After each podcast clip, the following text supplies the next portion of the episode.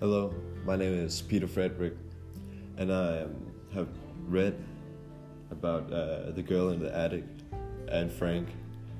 Um, and I'm going to talk about it in this podcast, actually,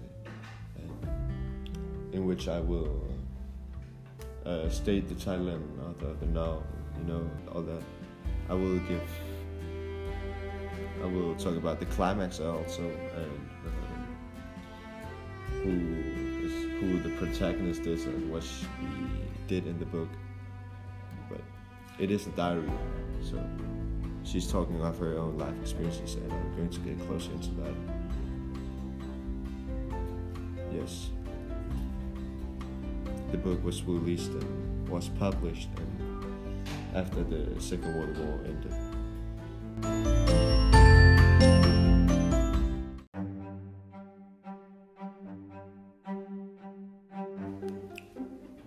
The story itself is set in Holland, Germany, before and when the Nazis had taken it over.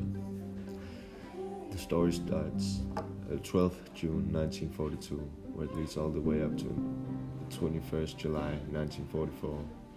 It has many dates in the book, since it is a diary. Anne Frank is the author and narrator of the book, but she did not publish it since she died at the very end.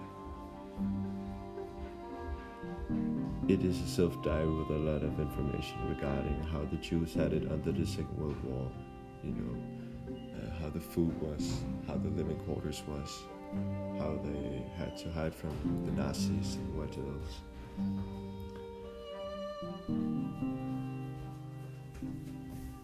It is mostly Anne Frank's view, though, and her fellow members of the and the perception of the situation they were stuck in.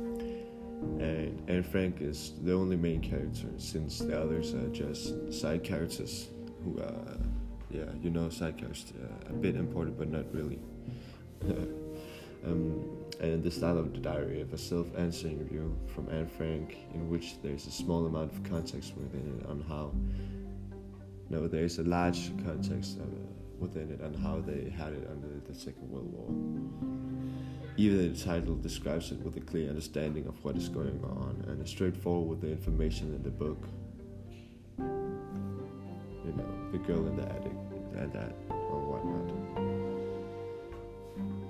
There's a very interesting and actual realism in the diary with how it started with the Germans' takeover against the multiple cities such as Holland, France, Italy, so on.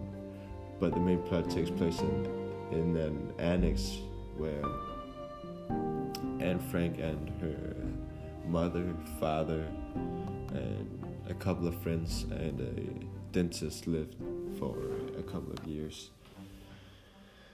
Uh, oh yeah, and an annex is a kind of attic, uh, but it's just bigger and more like a hotel room. Um, there are very peculiar details in the book on how they had it and what they did under the different circumstances. Um,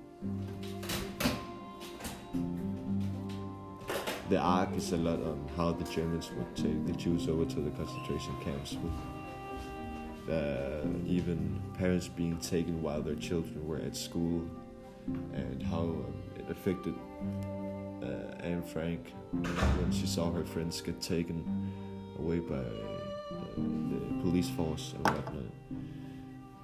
It really was just a lot for her to handle. Uh, she's only 14 in the book. Uh, it ended with her being 17.